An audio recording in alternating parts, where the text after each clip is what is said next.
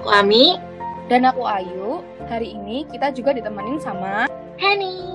Hai Kak Henny. Hai Ami, Ayu. Nah, rame banget nih kali ini. Apa kabar sisters? Semoga kalian semua baik-baik aja ya. Aku sendiri belakangan nih lagi happy banget. Bawaannya pengen senyum dan ketawa terus. Wah, kenapa tuh? Baru dicat gebetan ya? Atau jangan-jangan baru dapat uang jajan? Hmm, rahasia dong. Kamu sendiri kenapa kok kayaknya bete ya? Duh, kelihatan ya. Aku lagi bad mood nih. Badan juga lagi sakit semua. Loh, kenapa? Biasa, tanggal-tanggal segini lagi PMS. Udah lagi menstruasi. Ya ampun, aku ngerti banget tuh rasanya. Pasti gak enak banget. Padahal kalau dipikir-pikir, kita kan ngerasain tiap bulan ya. Bener banget. Sekarang sih aku udah umur 20 tahun kan ya. Jadi udah biasa gitu loh. Terus kalau diinget-inget waktu pertama kali menstruasi tuh kayak serem banget gak sih? Setuju sih, bener banget. Pasti rasanya kaget. Nah, tapi nih, kayaknya pengalaman menstruasi perempuan tuh beda-beda dan kadang suka ada lucunya. Nah, ceritain dong Kak Heni. Diem aja nih.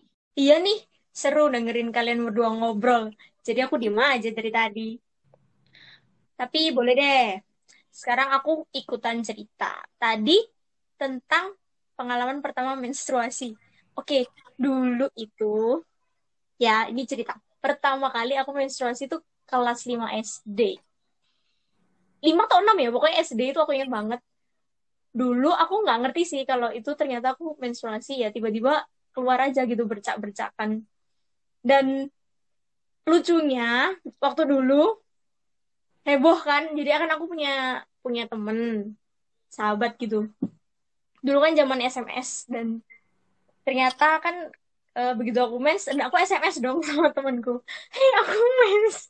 Kayak heboh gitu loh kayak wah ini adalah sesu sesuatu berita yang sangat luar biasa. Soalnya teman-temanku beberapa udah ada yang mens dan aku masih, masih belum gitu loh. Begitu aku tahu mens langsung aku SMS eh eh aku menstruasi aku menstruasi. Langsung besoknya di sekolah aku cerita. Eh aku mens aku mens aku mens terus heboh sih itu.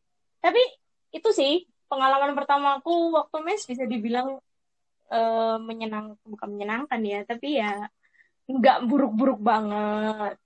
Itu. Oh gitu. Tapi jujur lucu sih. Langsung ngabarin ke teman-teman gitu ya berarti ya?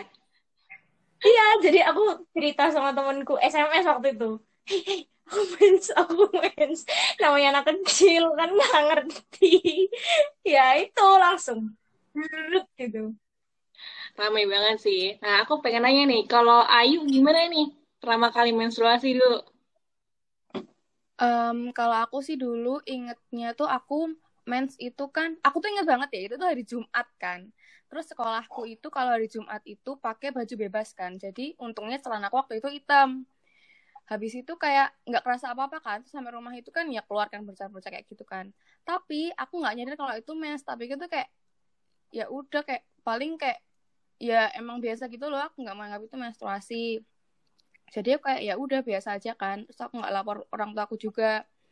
Nah terus besoknya kan muncul lagi tuh bercak-bercaknya terus aku langsung lapor ke orang tua aku kan kalau kok keluar kayak gini ya gitu. Terus ternyata dikasih tahu sama mama kayak oh itu berarti kamu menstruasi gitu lalala so kalau misalnya kayak aku tuh nangis itu kayak ya ampun aku berarti udah gede gitu. Aku takut kan.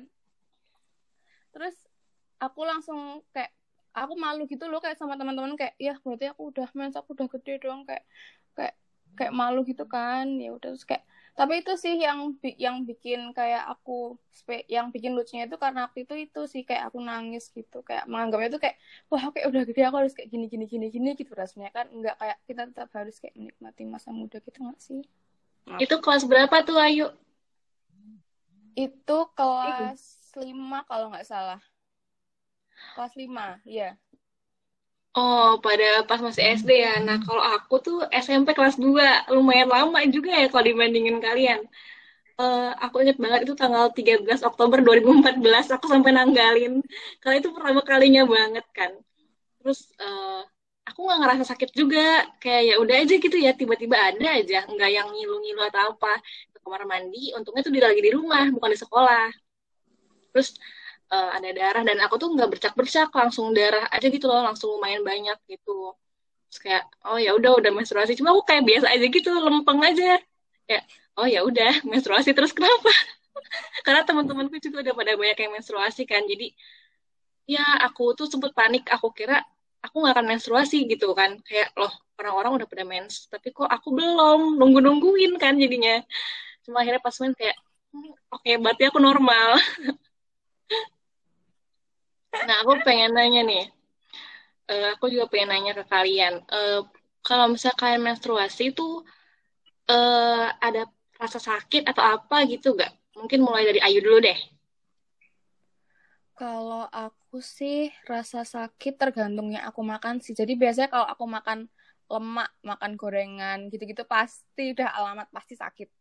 Terus um, keluarnya itu juga pasti kayak jauh lebih banyak nggak sih daripada kalau makannya itu uh, sehat gitu.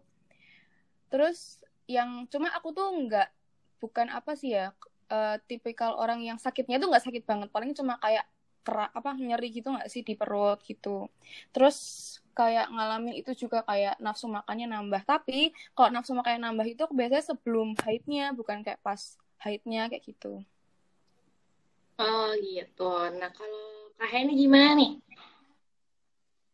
kalau aku nggak mesti sih. Jadi kadang sakit kadang enggak jadi nggak bisa jadi patokan. Tapi kalau memang kalau sakit sakit banget sih. Jadi kayak aku tuh kalau nggak sakit ya udah nggak sakit. Gak apa-apa. Ya udah. Sambil mens gitu ya ke mana kegiatan gini-gini bisa. Tapi kalau waktu sakit oh saya tuh pengen tiduran tok di rumah sambil melungker-melungker kayak kucing. Wah so so so so sick so sick. Bener-bener sing so sakit pokoknya aku lek kalau misalnya sakit itu is wah kalau sakit. Kalau nggak pusing kan kalau apa namanya kita mens kan kita ngeluarin darah otomatis kan kebanyakan kalau aku sih kalau aku pribadi kan uh, uh, kalau kurang darah pusing jatuh tuh dulu aku mulai SD atau SMP atau SMA ya lupa aku. Pokoknya kalau tiap kali mens itu aku harus sedia sama Bion sedia obat penambah darah supaya enggak pusing. Soalnya dulu pernah ini aku cerita pengalamanku dulu waktu donor darah ya. Dulu donor darah itu aku nggak pernah boleh karena tensi nggak cukup terus begitu boleh langsung donor nih. Yes seneng. Yes gue boleh tensi kan? Nah tapi setelah tensi berdiri nggak bisa. Cuma bisa rebahan terus tangan kaki itu apa kesemutan ya kalau bahasa Indonesia. Kesemutan banget terus sampai jantung gitu jadi kalau mens itu kayaknya pengalamannya 11-12 sama itu kan kita ngeluarin darah ya jadi aku harus sedia obat penambah darah supaya nggak pusing gitu. Wah serem juga sih sebenarnya kalau kayak gitu ya. Takut tiba-tiba lemas tiba-tiba pingsan jatuh aja. Iya iya benar. Jadi kita harus jaga sendiri. Nah kalau aku nggak pernah ngaruh sih kayak pingsan atau rendah darah ya kalau nggak salah itu aku enggak aku juga enggak mengonsumsi obat-obatan. Cuma aku tuh kalau misalnya men sakit yang bener-bener sakit gak bisa jalan.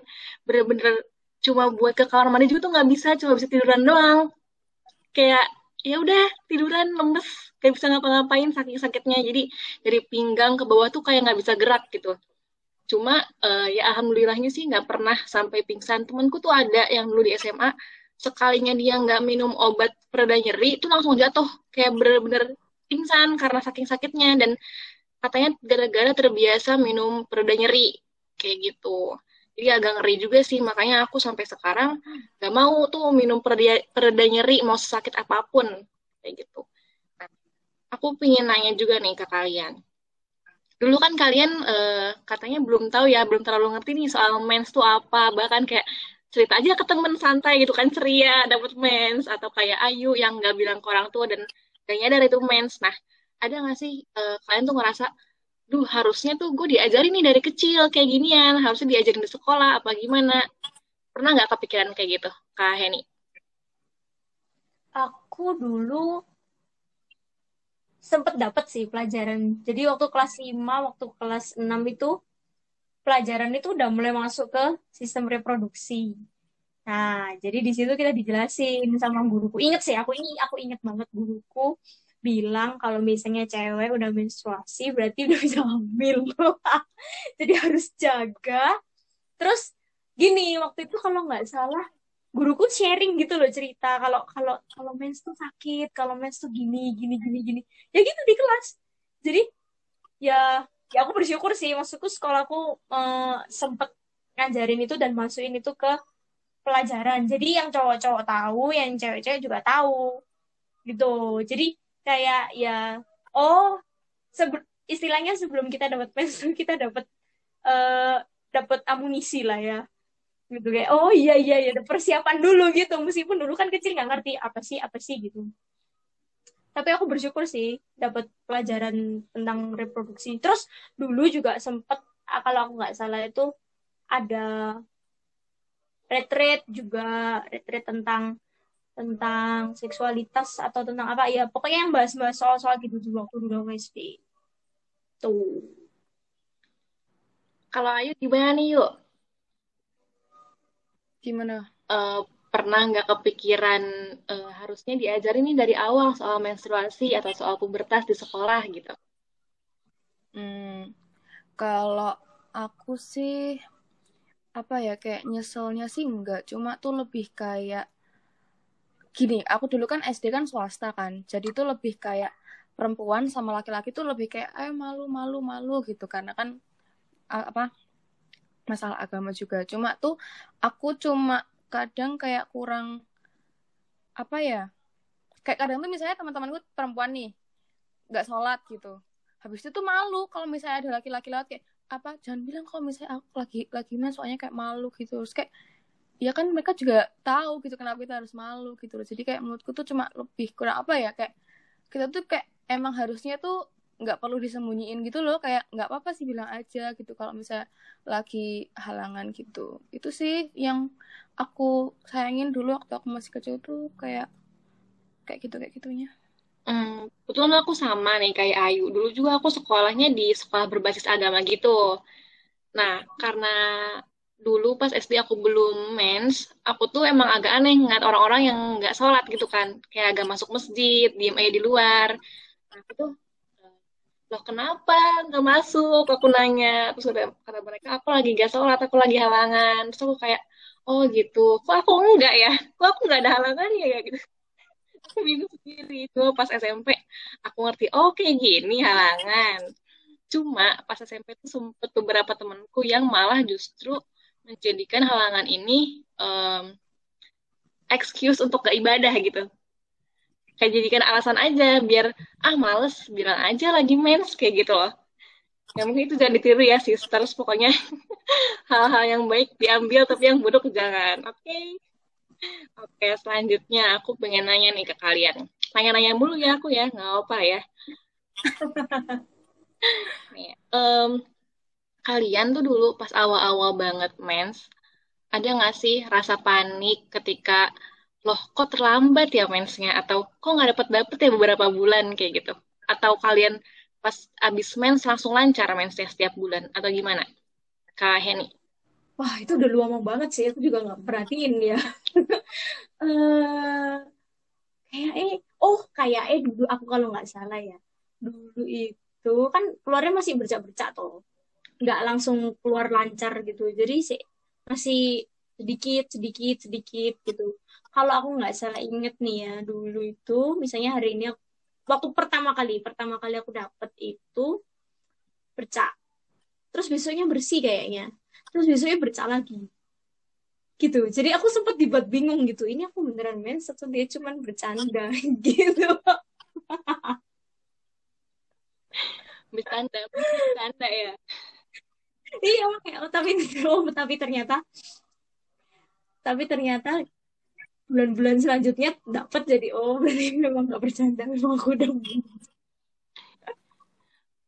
kalau Ayu gimana yuk dulu langsung lancar atau beda-beda gitu um, lancar maksudnya Uh, aku dulu tuh kayak dari dulu tuh emang kayak selalu tujuh hari gitu loh, kayak sama terus.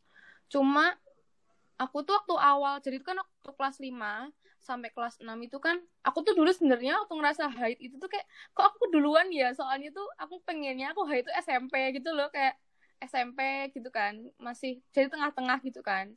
Terus aku tanya dulu kayak kayak angku yang yang ti waktu haid itu kapan? Yang yang kebetulan angku itu SMA haidnya. Habis itu aku tanya mamaku, mamaku SMP. Habis itu kok aku kelas 5 SD atau kayak kenapa gitu kan. Tapi terus kayak nggak apa-apa emang apa ternyata teman-temanku yang udah haid ternyata juga udah banyak gitu. Jadi kayak aku kayak ya udahlah nggak apa-apa gitu. Terus kalau masalah siklus itu dulu waktu aku kelas 5, kelas 6, kelas 7 itu masih normal sih kayak sebulan sekali gitu. Cuma waktu kelas 7 sama, sampai kelas 8 itu sempat mengalami masa nggak haid itu kayak tiga bulan gitu. Kayak bener-bener kayak nggak nggak haid sama sekali. Dan nggak sakit juga gitu kan. Tapi aku tanya orang tua aku kebetulan kan mamaku dokter kan. Terus kayak aku tanya mamaku terus kayak mamaku bilang kayak nggak apa-apa soalnya masih kecil jadi kayak emang hormonnya itu belum stabil. Jadi sering apa uh, belum apa ya namanya belum teratur siklusnya gitu jadi kayak nggak begitu worry banget sih jadi ya udahlah nggak apa-apa gitu Iya sih, emang suka panik gak sih kalau misalnya gak dapet dapet tiga bulan atau empat bulan. Dulu aku pernah tuh pas awal-awal, uh, karena mungkin tadi ya siklusnya belum teratur. Sampai SMA kelas 2 tuh aku belum teratur. Dari kelas 2 SMP sampai kelas 2 SMA kan lumayan lama ya. Pas awalnya SMP tuh aku gak terlalu panik. Aku pikir, oh emang katanya dua tahun pertama uh, belum lancar. Ya udah.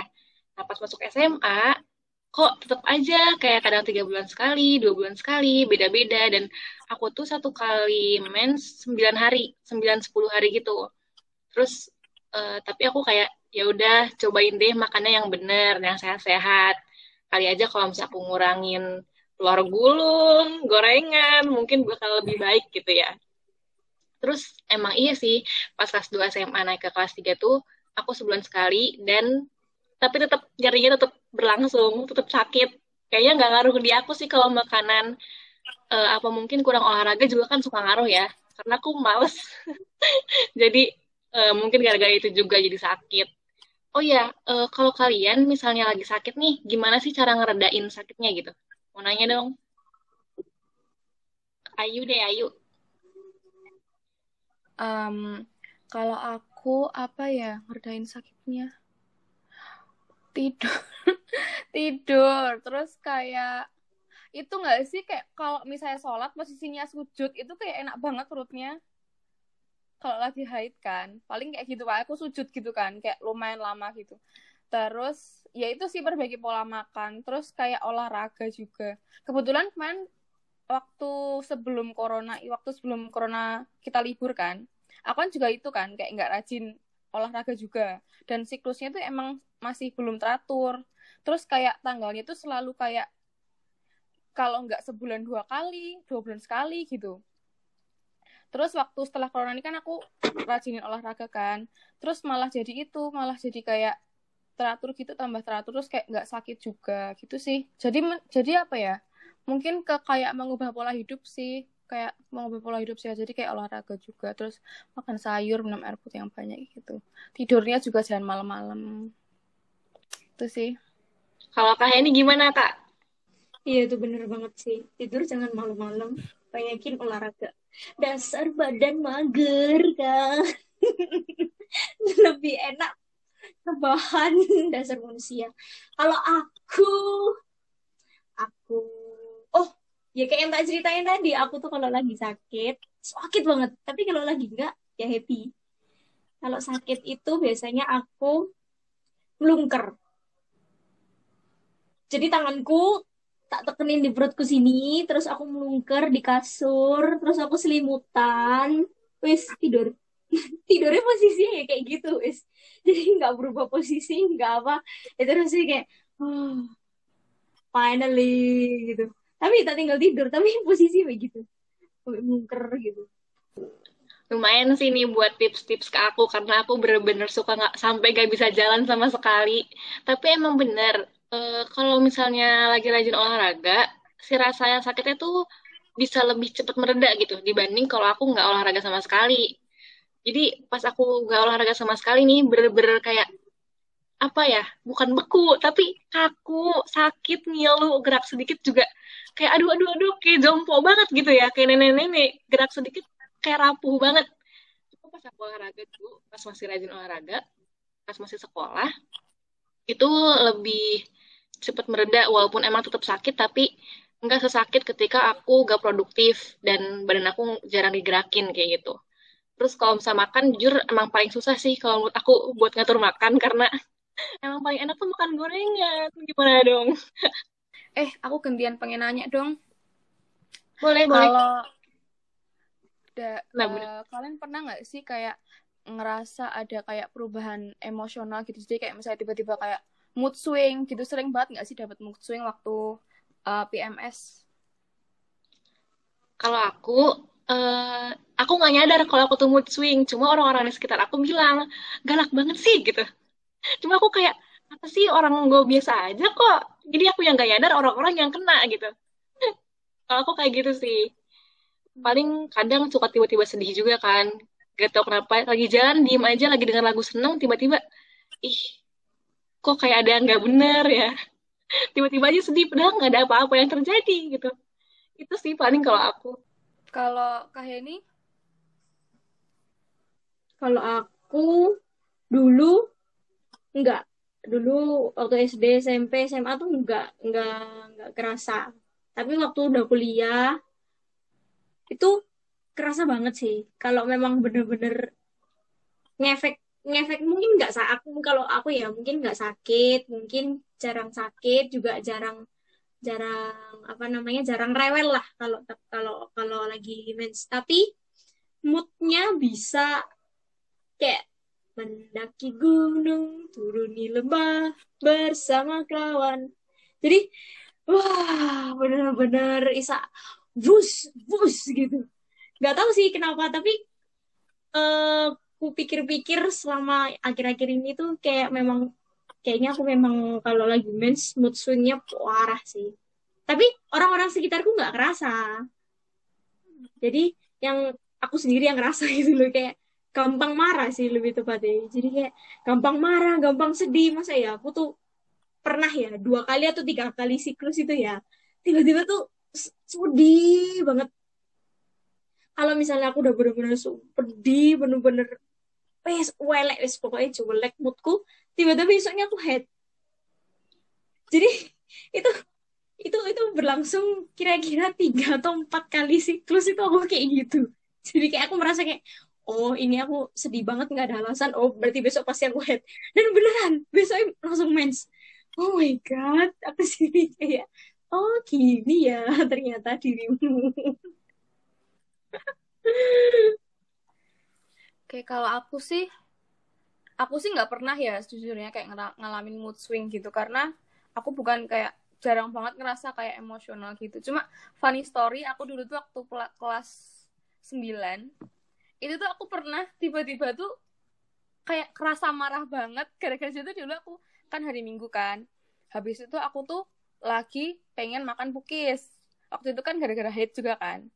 Beli tuh pukis waktu di Car Free Day kan sampai rumah belum aku makan habis itu aku tidur aku bangun pukisnya dimakan aku tuh nangis nggak berhenti berhenti kayak bener-bener kayak nangis terus kayak kayak nangis terus kayak ya apa sih pukisnya lo dimakan aku bener-bener kayak ngomel-ngomel gitu kan.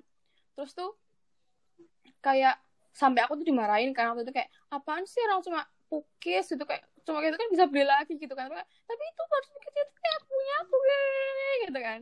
Terus kalau diinget tuh kayak kok aku waktu itu nangis ya ngapain? Kan bisa beli lagi gitu kan. Kayak gitu sih. Cuma itu itu kayak cuma satu-satunya pengalaman emosional aku waktu haid sih. Kayak lainnya itu kayak jarang banget kayak nggak kayak kayak malah nggak pernah deh. Kayak ngerasa mood swing gitu. Itu menurutku yang paling parah dan memalukan.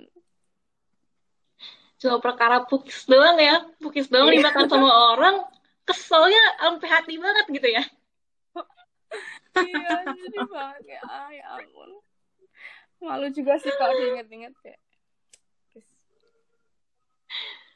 kadang aku juga suka takut gitu loh kalau misalnya pengen marah ke orang. Kalau dipikir-pikir kalau ini cuma PMS doang, pasti besoknya aku langsung malu kayak kenapa kemarin gue ngomel-ngomel, kenapa kemarin gue nangis-nangis, padahal nggak ada apa-apa kan. Jadi kalau sendiri jatuhnya gara-gara mood swing itu yang aduh ganggu banget kalau menurut aku ya, apalagi kalau misalnya kita offline kuliah atau sekolah kan ngefek ke orang-orang, takutnya orang-orang anggapnya ih kenapa sih dia kok sensian banget? Padahal lagi PMS mungkin sebelum kita ke akhir podcast ini aku pengen nanya dulu nih ke Kak Ayu dan Kak Heni. Mungkin buat teman-teman kita yang masih remaja-remaja belum dapat mens apa yang pengen kalian sampaikan gitu? Uh, silakan Kak Heni dulu. Kalau dari aku buat kalian-kalian yang menanti tamu datang eh tamu bulanan selamat menanti enggak sih. Kalian nggak perlu takut nggak perlu shock juga. Itu normal kok. Jadi itu menandakan bahwa kalian sudah lebih dewasa kalian bi, uh, dipercaya untuk bisa lebih menjaga diri itu. Juga dipercaya untuk bisa lebih merawat diri, lebih bersih, lebih apa. Jadi itu sih. Nggak perlu takut, nggak perlu khawatir. Terus jangan sembunyi-sembunyi. Yang eh, yang kalau aku ini kalau aku pengalaman pribadi ya. Kalau misalnya aku tiap kali haid tuh aku mesti kabari mami. Jadi, eh Mi aku hari ini haid. Udah, ya cuman kabari aja gitu aja. Itu every cycles every cycle I I do that gitu loh jadi setiap siklus aku melakukan itu ya cuma buat ngabari aja gitu keterbukaan antara kita dan orang tua tuh penting supaya orang tua juga bisa uh, kasih saran oh kamu harus gini oh kamu harus gini gini gini gini gini gini gitu. Bener sih kak Heni. Jadi kita bisa sharing juga ya dan orang tua kita juga ngerti gitu kondisi kita kayak gimana. Betul. Terus kak Ayu gimana kak? Pesan-pesannya buat teman-teman kita yang masih menunggu? Ya kurang lebih sama sih. Kayak nggak apa-apa. Kayak itu tuh normal gitu. Terus kayak ya apa itu tuh kayak mens tuh kayak emang nandain kalian uh, tumbuh dewasa. Tapi bukan kayak literally dewasa. Kayak you have time to like doing the progress gitu nggak sih? Kayak kan tetap harus bisa tetap bisa menikmati masa anak-anaknya tanpa harus uh, kayak takut kalau maksudnya tuh kayak beban dewasa kalian tuh kayak masih panjang kan masih punya waktu remaja gitu loh. Jadi kayak nggak apa kayak kalau masih menstruasi ya udah santai aja gitu. Kayak jangan bikin itu tuh sebagai uh, patokan kalau kalian tuh aku udah gede nih aku harus gini gini gini gini gitu. Kayak nggak sih kayak nggak apa-apa itu cuma kayak tandanya kalian dewasa secara hormonal kayak secara uh, physically-nya gitu. Gitu. Terus sama kayak ya itu sama kayak terbuka tetap terbuka sama orang tua terus sama teman-teman kalian juga. Kalau misalnya sama punya teman cowok nih kan misalnya kalian circle kalian tuh cowok terus kayak jangan malu juga gitu. Kalau misalnya bilang kayak apa lagi hype gitu kayak tetap bilang bilang aja gitu nggak apa kayak they will understand juga gitu sih. Bener banget.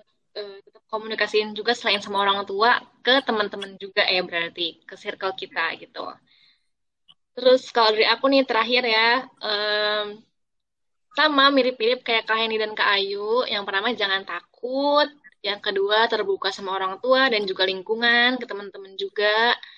Uh, dan itu walaupun kita secara fisik udah dewasa, tapi bukan berarti kita harus merasa terbebani sama beban dewasa itu sendiri gitu ya. Jadi kita tetap harus bisa ya nikmatin uh, umur kita kayak gitu yang lagi berlangsung terus sama uh, ya harus lebih menjaga diri udah pasti ya dan menjaga diri maksudnya lebih bersih karena kalau misalnya uh, lagi menggantung balut atau apa pun itu ketika menstruasi kan harus lebih jeli lah ya karena kalau misalnya gak bersih takutnya ada infeksi atau segala macam keputihan kayak gitu ya terus aku mungkin terakhir mau nge-highlight obrolan-obrolan kita malam ini yang seru-seru banget. Dari Kak Heni, uh, Kak Heni dulu langsung cerita ke temen-temennya lewat SMS. Kabarin temen-temennya, heboh. Iya, betul.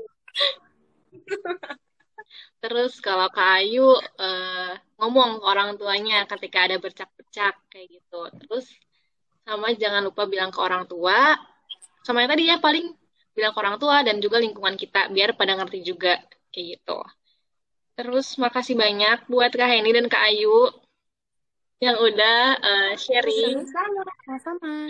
yang udah sharing sama aku di sini tentang pengalaman pertama menstruasi yang menyenangkan banget ya Jadi buat sister semua yang sedang menunggu datangnya bulan, bisa banget uh, mungkin dipahami tips-tipsnya di podcast ini biar nanti nggak panik atau nggak kaget lagi pas sudah datang. Itu aja dari podcast Here to Here hari ini. Oke, aku tutup ya. Makasih semuanya teman-teman yang sudah mendengarkan. Semoga kalian bahagia selalu. Love and light here to here.